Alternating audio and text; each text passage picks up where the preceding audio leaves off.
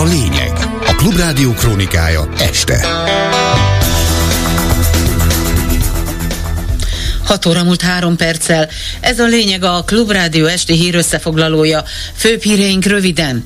Ismét jöhet a volánsztrájk, vasárnap és hétfőn állnak le a buszjáratok.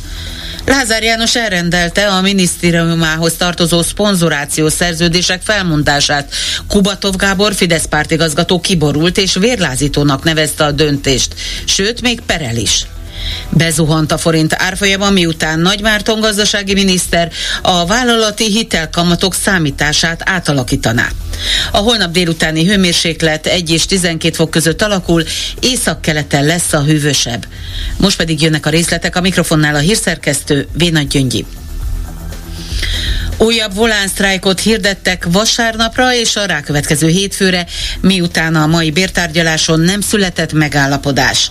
A MÁ vezérigazgatója megismételte a legutóbbi ajánlatát, ez szerint három év alatt átlagosan bruttó 25%-kal növekedne a dolgozók alapbére, amit a közúti közlekedési szakszervezet és a Szolidaritás autóbusz közlekedési szakszervezet nem tud elfogadni, mondta el Dobi István, a Szolidaritás szakszervezet elnöke a Klubrádiónak. Hozzátette, ha Lázár János a munkabeszüntetés miatt újra megfenyegeti őket, akkor februárban is leállítják a közlekedést földbeütás autóbusz közlekedési szakszervezet eleve elutasítja a több éves, tehát a három éves bér megállapodás megkötését a munkáltatóval, illetve a három évvel szóló 25%-os keresetfejlesztés a számunkra elfogadhatatlan mértékű, tehát annyira alacsony, hogy még tárgyalási alapnak sem tekintjük három évre. Egy évre sikerülne egy ilyen mértékű megállapodást kötni, azzal nagyon elégedettek lennénk, de ez úgy néz ki, hogy lehetetlen. A vasárnap és a hétfői az megegyezik a a, a múlt év december 10-11-én megtartott sztrájkunkkal ugyanazokat a járatokat érinti, ami azt jelenti, hogy vasárnap 2600 járat körül maradhat ki, hétfőn pedig 19.180 járatot érintett sztrájk, ami a sztrájk ide alatt nem fog közlekedni. A leírásgyűjtések alapján egy 10%-kal magasabb támogatottságot, tehát 60% körüli részvételre számítunk, vagy ennél magasabbra. Véletlenül derült ki, hogy a belügyminiszter fizetését tavaly csak nem 470 ezer forinttal emelték meg, így az már havonta megközelíti a 3 millió 100 ezer forintot. Azt egyelőre nem lehet tudni, hogy más miniszterek és államtitkárok is érintettek a fizetésemelésben. A belügyminisztérium ugyanis Pintér Sándor fizetését feltüntette a kormány honlapján, a többi minisztérium részéről azonban hasonló adatszolgáltatás 2022 nyara óta nem történt, erről írt a 24 Hu. A 17,5 százalékos illetményemelés, amelyben Pintér Sándor biztosan részesült, megegyezik a parlamenti képviselők fizetésemelésével. Ez a Központi Statisztikai Hivatal által mért bruttó átlagkeresett növekedés mértékének felel meg. A belügyminisztérium államtitkárai pedig 346 ezer forintos béremelést kaptak tavaly márciusban, így havonta 2 millió 321 ezer forintra emelkedett az illetmény igényük. Átverés, hogy a pedagógusok bére egyharmadával fog emelkedni az idén, hangsúlyozta Molnár Csaba, a DK árnyékkancellária minisztere mai sajtótájékoztatóján. Az ellenzéki képviselő úgy látja, hogy hiába az uniós pénz, több pedagógus még infláció követő béremelésre sem számíthat. Szó nem lesz 32-33 százalékos béremelésről. Azt látjuk, ezt mondják egyébként az ezzel foglalkozó szakmai szervezetek is, hogy például a mestertanároknál vagy a kutatótanároknál teljesen bizonyosan nem csak ennél alacsonyabb, hanem az éves tavalyi inflációnál is alacsonyabb béremelésre kerül majd sor, vagyis szó nincs arról, hogy a pedagógusok bére egyharmadával növekedne majd Magyarországon. Épp mai hír, hogy 462 ezer forinttal emelkedett Pintér Sándor bére. Hát nem hiszem, hogy van Magyarországon Magyarországon olyan pedagógus, akinek szintén 462 ezer forinttal nőne majd a havi fizetése a béremelés eredményeképpen. Látszik az, hogy a kormány nem szuverén módon jár el, az Európai Uniótól kér pénzt arra, hogy egy legalapvetőbb feladatát ellássa, de ez a pénznek a jelentős része sem fog eljutni a pedagógusokhoz, mert láthatóan szó nincs arról, hogy egy átlag magyar pedagógus 32%-os béremelést kaphatna. Leállította Lázár János Fideszes miniszter a hatáskörébe tartozó állami cégeknél a sport és más szponzorációs támogatásokat.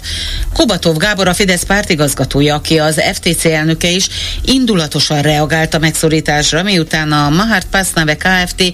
nem szponzorálja tovább a Fradi női kézilabda csapatát, arra hivatkozva, hogy eredményességük a három évre meghosszabbított szerződés aláírása után jelentősen visszaesett.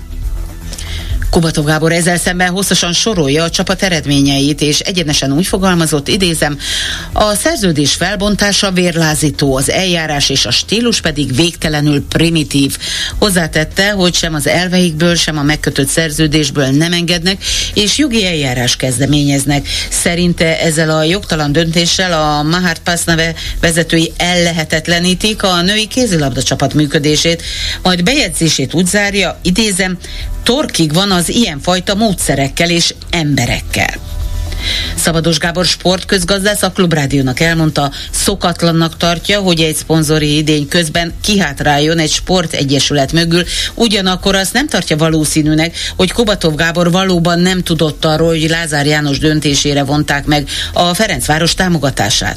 Horváth Ádám kérdezte a sportközgazdászt. Általában ezt azért úgy szokták, hogy az adott szezon végéig még kitart az együttműködés, hiszen ezeknek a sportszervezeteknek a gazdasági működése az alapvetően a bajnoki szezonokon alapszik, tehát ebben a ciklusban működnek. Tehát, hogyha ezt most úgy mondták fel, hogy azonnali hatállyal, akkor ez valóban okozhat komoly gondokat, hiszen egy már megtervezett költségvetésben keletkeznek lukak. Kubatov Gábor klubelnök személyén keresztül. Ezekkel a kapcsolatokkal nehéz azt megérteni, hogy miért a nyilvánosság előtt zajlik ez a vita, tehát miért nem lehetett ezt valahogy házon belül megbeszélni. Azt nehezen tudom elképzelni, hogy Kubatov Gábor ne tudott volna arról, hogy ez a döntés ez Lázár Jánostól származik. Három havi mélypontjára zuhant a forint árfolyama. Napközben egyetlen euróért 386 forint 50 fillért is elkértek. Elemzők szerint a gazdasági miniszter ötlete is hozzájárulhatott a forint mély repüléséhez. Nagy Márton a vállalati hitelkamatok számításának átalakítását javasolta. A nemzetközi hitelminősítő a Standard Poor's figyelmeztetést is küldött, mondván ez könnyen aláshatja a befektetői bizalmat, ugyanis a tervezett változtatás lényeges kockázatot jelent és jelentősen csökkentheti a hazai bankok jövedelmezőségét. Hírek szerint akár a meglévő hitelekre is kiterjesztenék az intézkedést. Ha így dönt a kormány, akkor az a ma még kamastobban lévő lakáshitelek törlesztő részletére is komoly hatással lesz. Iskolai osztályokat visznek ki az államfő gyulai programjaira, tudta meg a Magyar Narancs. A Fideszes polgármester levelet írt a helyi oktatási intézmények vezetőinek. Ez alapján gyerekek szüleit tájékoztatták arról, hogy miképpen vesznek részt holnap azon az eseményen, ahol Novák Katalin felkeresi a Közép-Európa egyetlen éppen maradt gótikus erődítményét, a Gyulai várat.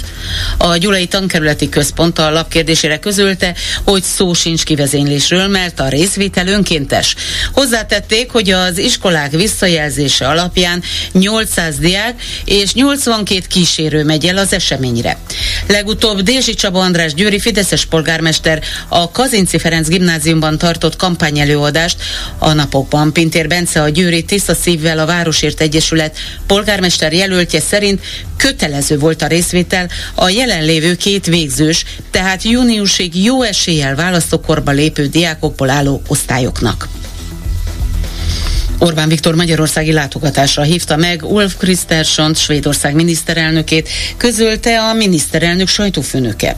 A népszava birtokába került levél szerint, amelyet a magyar kormányfő a svéd miniszterelnöknek küldött el, Orbán Viktor intenzívebb politikai párbeszédet sürget, amely szerinte hozzájárulhatna a két ország és intézményei közötti kölcsönös bizalom megerősítéséhez.